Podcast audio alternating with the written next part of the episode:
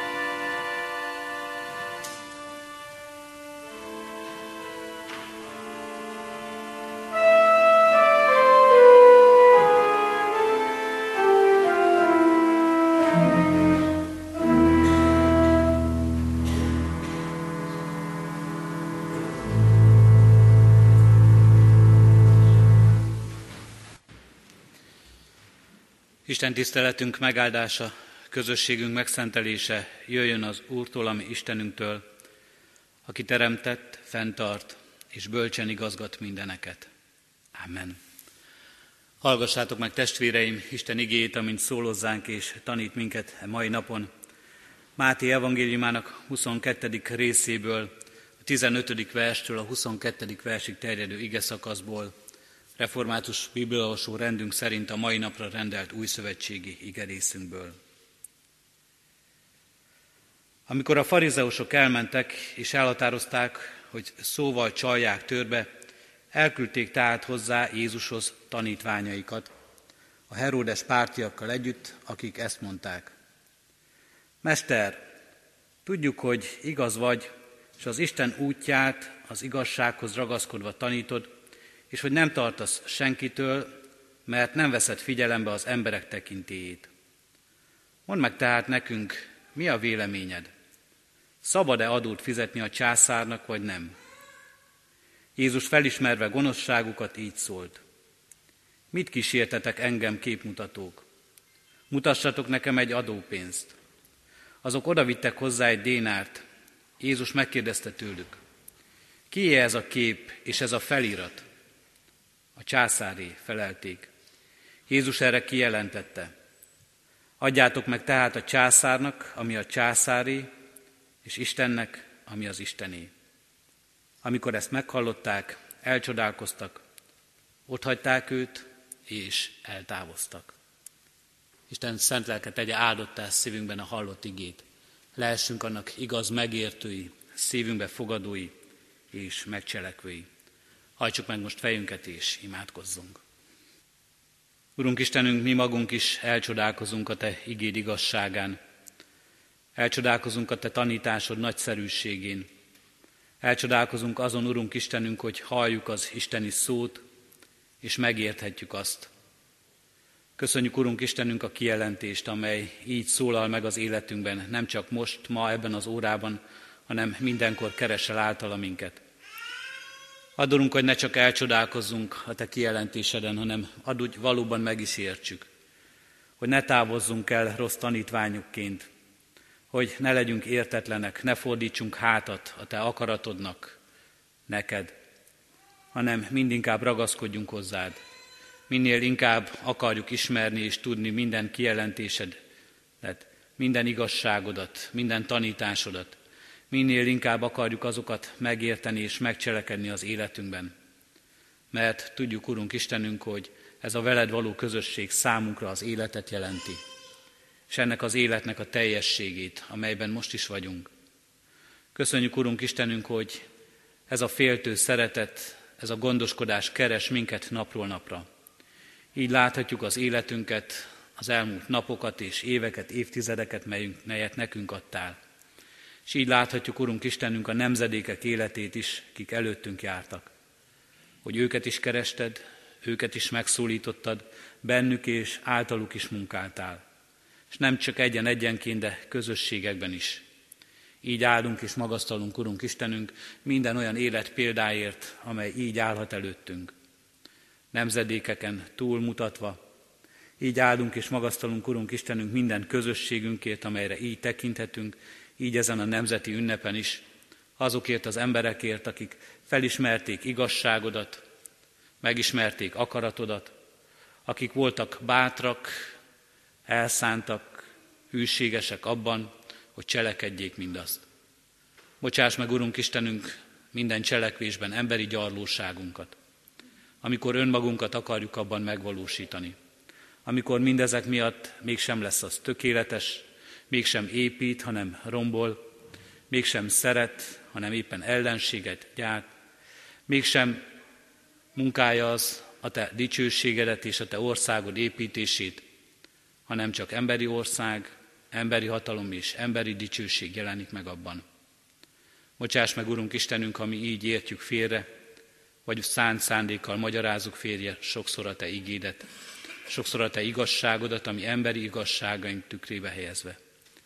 Kérünk és könyörgünk, jöjj, légy itt közöttünk ma is a Te szent lelkeddel, hogy igazán a Te szavad szólalhasson meg lelkünkben, hogy igazán a Te üzenetedet értessük meg abban, és hogy újjáteremtve, megújítva életünket, igazán a Te cselekedetetet cselekedhessük meg. Taníts és vezes, légy itt közöttünk ma is, Atya, Fiú, Szentlélek Isten. Amen. Istennek az az igéje, amelyet szent lelke segítségül hívásával hirdetni kívánok közöttetek, írva található a már felolvasott ige szakaszban, Máté evangéliumának 22. részében, a 21. versben, eképpen. Adjátok meg tehát a császárnak, ami a császári, és Istennek, ami az Istené. Eddig az írott ige.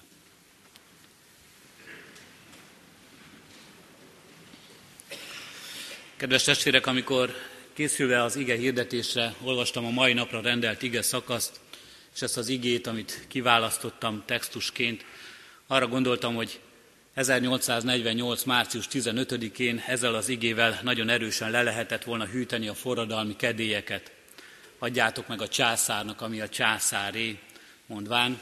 E, és talán sokaknak el is ment volna a kedve, és azt gondolták volna, hogy hát az ige arra buzdít minket, és arra indít Jézus tanításában is, hogy maradjunk nyugton. Ha Isten rendelte a császárt fölénk, akkor ne lázadjunk ellene, hanem adjuk meg, amit kíván, adjuk meg neki azt, ami jár, amit ő magáénak gondol. A császárnak, ami a császáré, és Istennek, ami az Istené. Jól ismert és gyakran idézett igéje ez a Szentírásnak és Jézus tanításának. A mondatot többnyire talán valamilyen engedékenységként szoktuk azonosítani. Talán szétválasztásként gondolunk rá, hogy Isten fiait Jézus Krisztus nagyon, egy, nagyon egyértelműen elmondja, hogy van a világban olyan rész, amely tartozik a világhoz, a világ fejedelmeihez, a császárhoz, joga és tulajdona, és méltán tart rá jogot és tulajdont, és van egy más rész, az Istené, és a hívő embernek mindkettőre oda kell figyelnie, és jól kell látnia mindkettőt az életében, engedelmességgel és hűséggel szolgálva abban. Talán azt gondolnánk, nem is olyan nehéz szétválogatni a dolgainkat, és mindenkinek megadni azt, ami jár, erről tanít Jézus. Hogy talán emberileg néha összekeverjük, és emberileg néha nehéz ez, de Jézus egyértelművé teszi, meg lehet adni mindenkinek, ami jár. Egy szólásmondással élve meg lehet tenni azt, hogy a kecske is jól lakik, és a káposzta is megmarad. De azért tudjuk, hogy csak szeretnénk, hogy ez így legyen. A valóság ezzel ellentétben leginkább az, hogy a káposzta az utolsó torzsáig is elfogy, és a kecske mégis éhes marad. Hogy senki sem kapja meg azt, ami neki jár ebben a világban. Sohasem elégedett, sohasem elégedett a császár, sohasem elégedett az, aki adja. Mindig mindenki elégedetlen körülöttünk, és mi magunk is általában az elégedetlenségeinket azonosítjuk az életünkkel, a világgal, sőt, az Istennel szemben is. Idézzük újra fel az evangéliumi helyzetet, amelyben mindez elhangzott. Egy írástudó kelepcét akar állítani Jézusnak, és megkérdezi, hogy szabad-e adót fizetni a császárnak, vagy sem. Igazi csapda kérdés ez. Ha Jézus igennel felel, akkor azonnal az a vád éri, hogy kiszolgálja az elnyomó római pogányhatalmat. Ha viszont nemleges a válasza, akkor a forró fejű lázadókkal kerül egy táborba, aki az adófizetés megtagadásával is kifejezre is juttatja, hogy illegitimnek, törvénytelennek tekinti a római hatalmat. Rögtön lázadóvá lesz, akár még áthathatóvá is válik a hatalomnak. Ez a provokáló írás tudói kérdés, az írás tudó büszke is lehetett magára, és arra vélt, azt gondolhatta joggal, hogy Jézus nem tud majd megfelelni, nem tud jó választ adni erre a nagyon egyszerű kérdésre. Mert ha van rajta sapka, akkor az lesz a baj, ha nincs rajta sapka, akkor az lesz a baj. Ha igennel felel, az a baj, ha nemmel, akkor az. Miről is szólt itt még konkrétabban a dolog? Az adófizetés, az úgynevezett fejadóról esik szó itt, melyet a római megszálló hatalom részére kellett megfizetni. És ez az adó és a befizetendő adópénz folyamatosan emlékezteti a zsidóságot arra, hogy nemzeti függetlenségüket elvesztették, hogy Júda római provincia lett. Annyira érzékeny volt ez a kérdés, hogy amikor Krisztus után hadban bevezették ezt az adót, azonnal lázadás tört ki a rómaiak ellen. Lázadást hamar leverték, de a nemzeti érzelmek azóta is összekapcsolódtak azzal, hogy a gyűlölt adót nem kellene megfizetni. De nem csak politikai oka volt ennek, hiszen a hithű vallásos zsidóság bálványimádást is látott ebben az adófizetésben, jobban mondva az adópénzben. A pénzérme ugyanis Tibi, a császár arcképét hordozta, ami a ne csinálj magadnak faragott képet parancsolatának megsértése volt. De vérlázító volt a, pe, a a felirat is, amelyre Jézus itt egészen konkrétan utal ebben az ige szakaszban, mert a feliraton ez állt, Tiberius Cézár Augustus, az isteni Augustus fia. Az isteni Augustus fia. A császár az Isten. Isten helyébe akar lépni.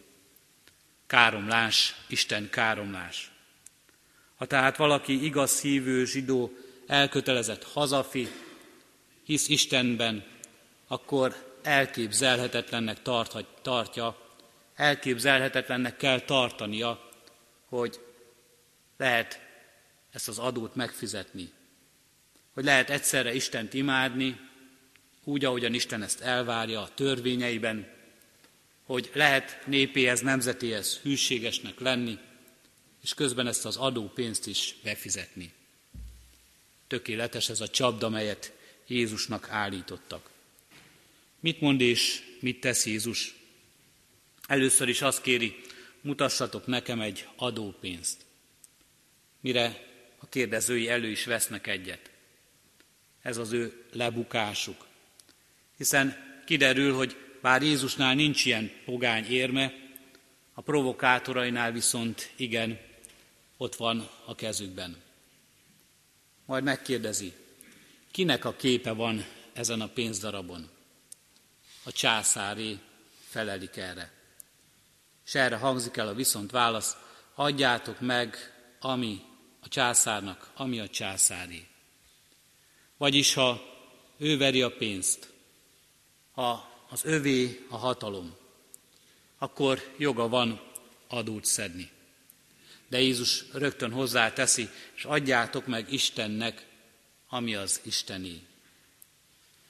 Kijön ebből a csapdából, amelyet neki állítanak, a császárnak, ami a császáré jár, és Istennek, ami az Istené és erre majd még szeretnék is visszatérni az ige hirdetésben. De minden esetre mi a reakció? Akik a csapdát állították, azok elgondolkoznak, elcsodálkoznak azon, amit Jézus mond, majd hátat fordítanak neki, és eltávoznak onnan. Ilyen egyszerű a válasz. Ilyen egyszerűen meg lehet válaszolni egy lehetetlen kérdésre egy nagyon bonyolult, összetett, sok érzést, érzelmet, politikai akaratot, hatalmi eh, harcot tartalmazó helyzetben, helyzetből ilyen egyszerűen ki lehet jönni, így le lehet egyszerűsíteni az életünk dolgait. Kicsit álljunk meg most itt ezen az egyszerűsített értelmén és magyarázatán az igének. Nemzeti ünnepünk alkalmából is talán ma hordozhat nekünk tanulságot. Ugyanis azt gondolhatjuk, hogy a modern ember olvasata gyakran az, hogy természetes, hogy Jézus elválasztja ezeket a dolgokat. Hiszen mi van Istennek az adóhoz? Mi van Istennek a politikához? Mi van Istennek a nemzethez, a közélethez? Mi van Istennek a gazdasághoz? Gyakran és sokszor halljuk talán, propaganda szerűen is ezeket a tanításokat, ezeket a gondolatokat, ezek, ezt az érvelést. Az egyház maradjon a templom falain, a templom keretein belül. Az egyház maradjon a híveinek közösségén belül, mert az Istennek nincs köze. Nincs köze a közélethez, nincs köze a gazdasághoz, nincs, nem lehet köze a politikához. Érték semlegesen kell a köznek működnie, nem szabad ideológiailag befolyásolni a gyermekeket az iskolában, nem szabad ideológiailag befolyásolni senkit, aki a közben dolgozik és munkálkodik. A hatalomnak is távolságot kell tartania minden ideológiai nagy eszmétől. Igazolva láthatja magát Jézus szavaiban, aki mintha két külön világnak tartaná a császár és az Isten világát. A császár világa az állam, az adó, a vállalkozás, az oktatás, az egészségügy, a törvényhozás, a politika, a pénz, karrier, a hatalom világa, azaz a realitások világa, ami ide köt minket e földi élethez a mindennapjainkhoz. Jézus a kezébe veszi ezt az érmét, vagy rámutat erre az érmére, az emberek a kezükbe veszik, ezzel élnek. Nap mint nap ezért, ezzel fizetnek. Ebből tartják fenn magukat, ezért dolgoznak, hogy megkeressék ezt a pénzt, és azután ezen a pénzen biztosítsák a megélhetésüket vagy a boldogságukat. Ez a világ, a mindennapok élete, a földi életünk. És van egy másik világ, az Isten világa, a benső, a lelki, a szívbéli, a vallásos, a spirituális világ, az idealizmus világa, amely nem a mindennapokhoz köt, sőt, talán sokszor azt halljuk, amely a túlvilághoz köt minket, amely majd akkor válik érvényessé, és akkor mutatja meg magát igazán, amikor már nem leszünk ezen a világon, amikor már majd meghaltunk. Könnyű és nagyon leegyszerűsítő ez a gondolat. És sokszor azt láthatjuk, ma is belecsúszunk ebbe, ha nem is ennyire végletességig, de itt van, mi köze van az Istennek a világhoz. Adjuk meg a császárnak, ami a császáré, foglalkozzunk a világi dolgokkal a maguk helyén, és adjuk meg az Istennek, ami az Istené, és ne keverjük össze a kettőt. A császár, a világ és az Isten, a láthatatlan, az örökké való világát. Ez pedig talán azt mondhatnánk, lehet, hogy nem csak a mai kor, de a mai korban különösen hangsúlyos veszélye, és egyben veszélye és egyben kísértése is az egész világunknak, és akár a kereszténységünknek is. De még talán ez sem ennyire egyszerű. Nem ennyire két rossz olvasata van a világunknak. Nem is csak ennyire szélsőséges a kereszténységünkön belül, hiszen mi mindig az Istenét hangsúlyozzuk. Nem gondoljuk azt, hogy csak a világban kellene élnünk, az Istenit pedig elhagynunk. Talán még bonyolultabb a kérdés, ha azt vesszük számításba, hogy keresztény életünkön belül, keresztény közösségeinken belül hogyan jelenhet meg még ez a kérdés. Hiszen nagyon sokan vannak, akik azonosítják egy-egy ügy képviseletét az Isten szeretetével, az iránta való hűséggel, miközben mások teljesen elválasztják ezeket egymással. Mire gondolok? Sokszor talán hallhatnánk azt, hogy csak az az igazi keresztjén, akit nem érdekelnek az anyagi javak. Aki nem azzal foglalkozik, hogy miből és hogyan él. Egészen egyszerűen csak az az igazi keresztjén, aki nem üzletel, és az igazi keresztjén nem üzletelhet. Középkorban tilos volt a keresztény emberek számára a bank, a kamat és egyebek. Majd a reformátorok szabadították föl erre a keresztény világot. Csak az az igazi keresztény, akit nem érdekelnek az anyagi javak, aki nem üzletel. És megjelenik egy másik véglet is, mert sokszor ezt is halljuk a, nagy, a nyugati sikeres országok keresztény közösségeiben is. Az igazi keresztény arról ismerszik meg, hogy az élete prosperál, virágzik. Az Isten áldása akkor van az emberen, ha sikeres az életében, az üzletében is. Csak az az igazi keresztény, akit nem érdekelnek az anyagi javak. Csak az az igazi keresztény, akinek az életén is megmutatkozik, az anyagi javaiban is az Isten áldása. Micsoda két véglet egymással szemben állva. És ott van még a másik oldal, akik azt mondják, hogy mi köze van az Istennek az üzlethez, az anyagi javaimhoz. Semmi köze nem lehet ehhez az Istennek. Teljesen szélsőséges nézetek. Vagy az igazi keresztény embernek semmi köze nem lehet a politikához. A keresztény ember ne politizáljon. És ezzel talán szemben is egy másik véglet.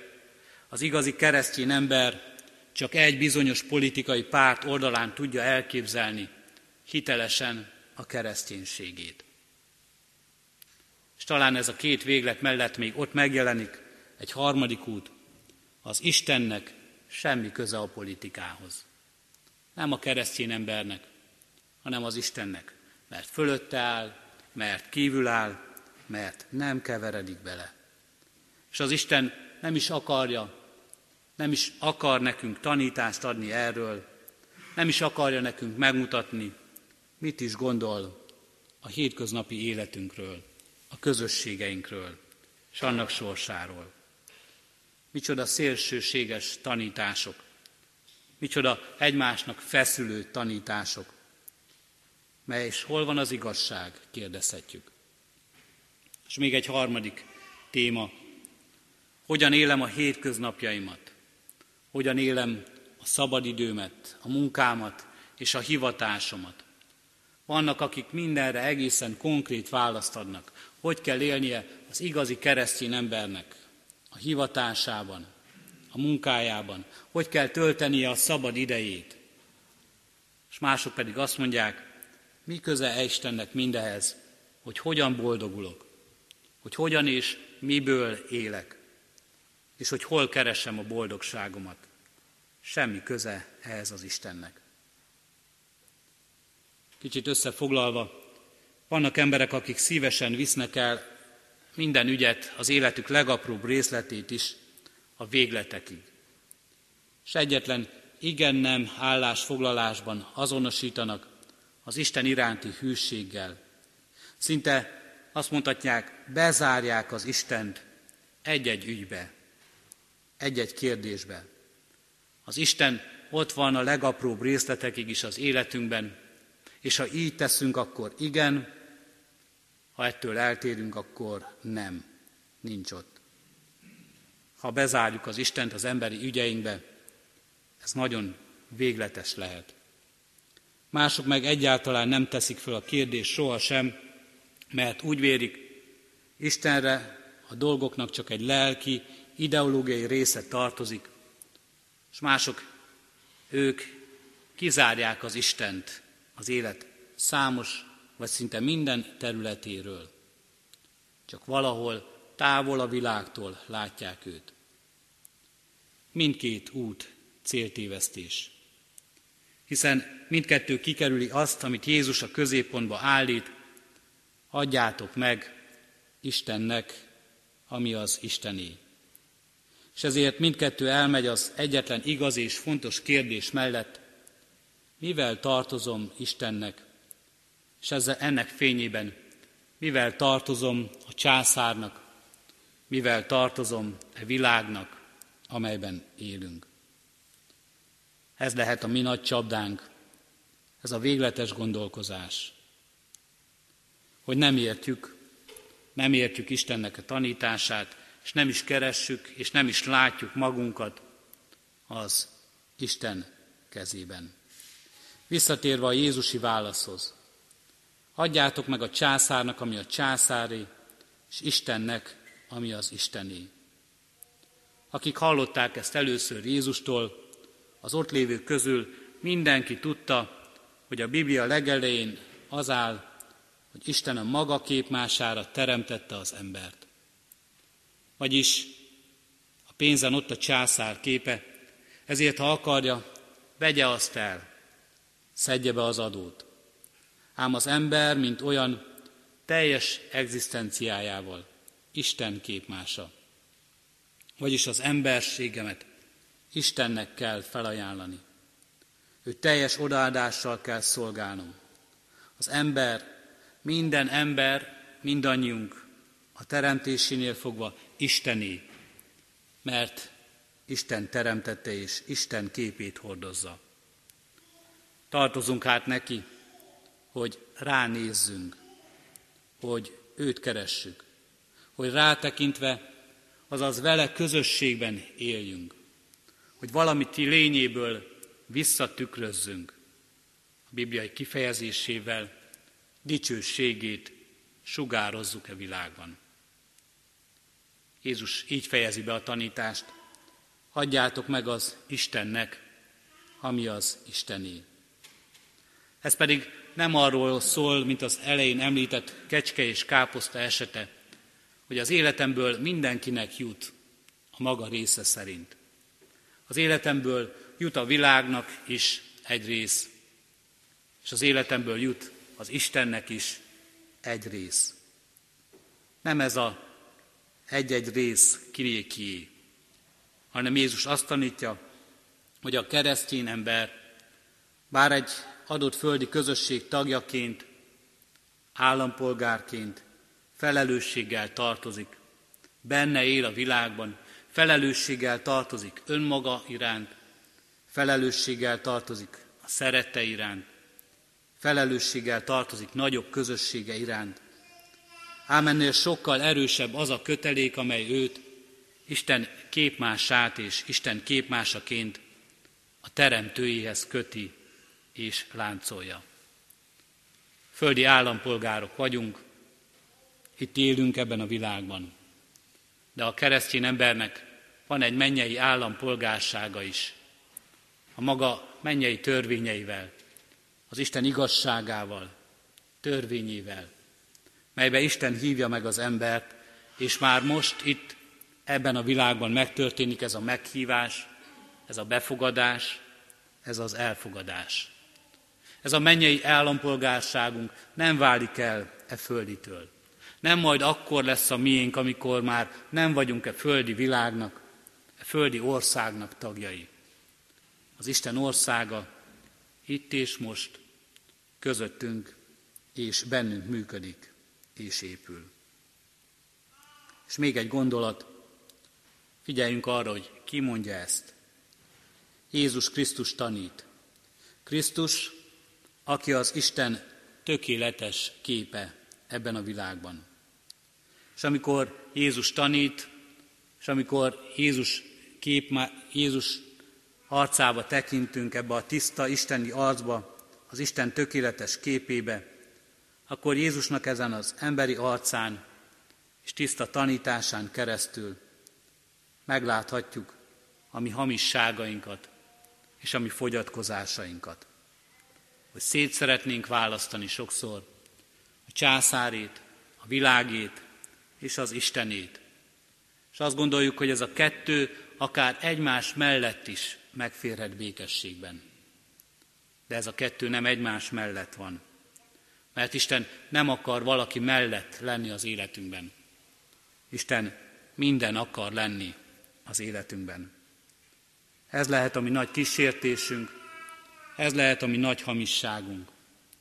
Ha ki akarjuk zárni emberi ügyeinkből őt, vagy be akarjuk zárni a mi emberi kicsiny ügyeinkbe őt.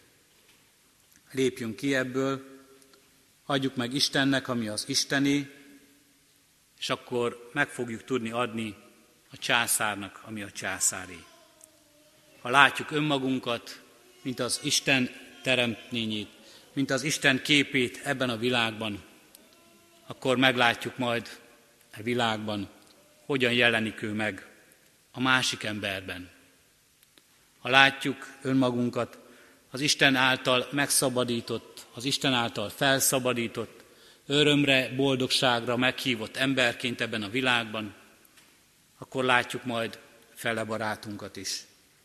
Az Isten által megszabadított, kegyelmezett, örömre, boldogságra és örök létre meghívott emberként ebben a világban. És akkor tudjuk úgy adni a másiknak, a világnak, a világban önmagunknak, és mindenkinek azt, ami neki jár, hogy az valóban épít, az valóban a teljességre vezet, az valóban emberi lesz. Legyen így áldott az életünk, és legyen mindazoknak élete áldott és emléke áldott közöttünk, akik így élhettek, és így szolgálhattak Istennek, fele barátaiknak és közösségeiknek. Amen. Helyünkön maradva hajtsuk meg fejünket és imádkozzunk.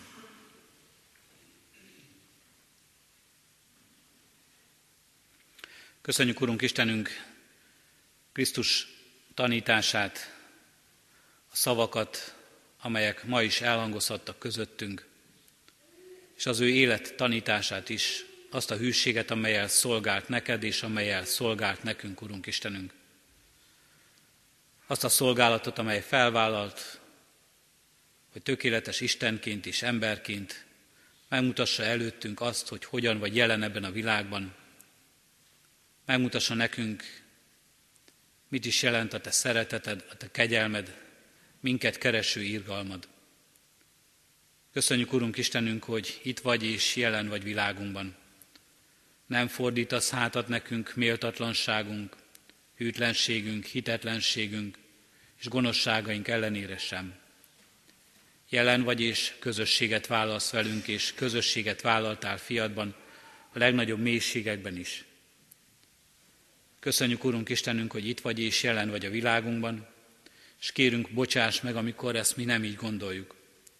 Amikor mi szétválasztjuk a mi világunkat a te világodtól. Amikor mi itt a Földön csak ezt a Földit akarjuk látni, mindazt, ami, amik abban mi magunk vagyunk, a saját akaratunkat, a saját igazságunkat, a saját céljainkat, a saját boldogságunkat, a saját életünket akarjuk megvalósítani. Köszönjük, Urunk Istenünk, az ige tanítását, Krisztus tanítását és Krisztus példáját, hogy hogyan és mi módon vagy jelen. Szereteteddel, megváltó akaratoddal, hűségeddel. Úgy, Urunk Istenünk, hogy az szolgálja ebben az életben már itt, a földi világban, a Te országod növekedését, a mi megváltásunkat, a mi boldogságunkat, a mi életünk kiteljesedését, és nem csak egyen-egyenként, de közösségben is. Állunk és magasztalunk, Urunk Istenünk, hogy mindez valóság lehet, hogy mindez a mindennapok valósága és megtapasztalása is lehet az életünkben. Kérünk és könyörgünk, Urunk Istenünk, az a megismerés, az a tanítás, az a felismerés, amely ma is egészen közel jöhetett hozzánk, határozza meg egész életünket, minden napunkat. Keressük akaratodat, keressünk téged, kövessünk téged, éljünk úgy, Urunk Istenünk, ahogyan az a te szándékos szerint való. Éljünk úgy, mint akik a te képedre és hasonlatosságodra teremtett emberekként megértjük szavadat, meg tudjuk cselekedni akaratodat. Éljünk úgy, mint akik méltók vagyunk arra a névre, hogy keresztjéneknek hív minket ez a világ, Krisztus követőinek, a te gyermekeidnek, a te szolgáidnak. Köszönjük, Urunk Istenünk, hogyha ebben megtalálhatjuk életünknek értelmét, ha ebben megtalálhatjuk ebben a szolgálatunkban örömünket, ha ezt jó szívvel, hűséggel és háladással végezhetjük. És legyen tiéd, Urunk Istenünk, az áldás és a dicsőség azért, ha mindez nem csak saját életünknek haszna, hanem másoknak is kedves, másoknak is épülésére szolgál, másokhoz is elér, mások életét is meg tudja gazdagítani. Így kérünk és könyörgünk, Urunk Istenünk, ezért a szolgálatért, és így ebben a közben járó imádságban visszük elé, Urunk Istenünk, minden közösségünket, szeretteink és családunk közösségeit, gyülekezetünk közösségét. És most különösen is ezen a napon népünket és nemzetünket, ad nekünk, Urunk Istenünk, a visszaemlékezésben, a háladásban és az ünneplésben is azt, hogy láthassunk meg mindebben téged, a történelem urát és alakítóját, azt, aki tudsz az embereken és emberi közösségeken keresztül is cselekedni ebben a világban. Mutasson mindez rád, Urunk Istenünk, aki a Te gondoskodó, a Te szabadító, a Te könyörülő irgalmadra, úgy, ahogyan vezetsz, ahogyan jelen vagy. És láthassuk, Urunk Istenünk, mi is, közösségeinkben is, ma is, mire hívsz, merre vezetsz, és mit akarsz cselekedni az életünkben, és mit akarsz cselekedni általunk. Legyen erre nyitott a szívünk, és legyen erre engedelmes az életünk. Kérünk és könyörgünk, Urunk Istenünk, népünk, nemzetünk, világ vezetőiért. Adorunk, hogy ők is tudjanak rád tekinteni. Nem saját hatalmukat építeni, nem saját akaratukat és önmagukat megvalósítani, hanem téged követni, és szolgaként neked szolgálni. Kérünk és könyörgünk, Urunk Istenünk, egyházadért ebben a világban. Adorunk, hogy mi se tévesszünk célt. Adorunk, hogy mindig lássuk, Te vagy az egyháznak ura, feje, fejedelme és királya. Te vezess, Te pásztorolj, Te taníts. Minket, mindannyiunkat és Teé közöttünk, és Teé bennünk. Így szolgálhassunk, így lehessünk bizonyságtevőid. Hallgass meg Jézus Krisztusért. Amen. Együtt és fennállva a mi Úrunk Jézus Krisztustól tanult imádságot is mondjuk el. Mi atyánk, aki a mennyekben vagy, szenteltessék meg a te neved. Jöjjön el a te országod, legyen meg a te akaratod, amint a mennyben, úgy a földön is. Mindennapi kenyerünket add meg nékünk ma, és bocsásd meg védkeinket, miképpen mi is megbocsátunk az ellenünk védkezőknek. És ne vigy minket kísértésbe, de szabadíts meg a gonosztól, mert Téd az ország, a hatalom és a dicsőség, mind örökké. Amen.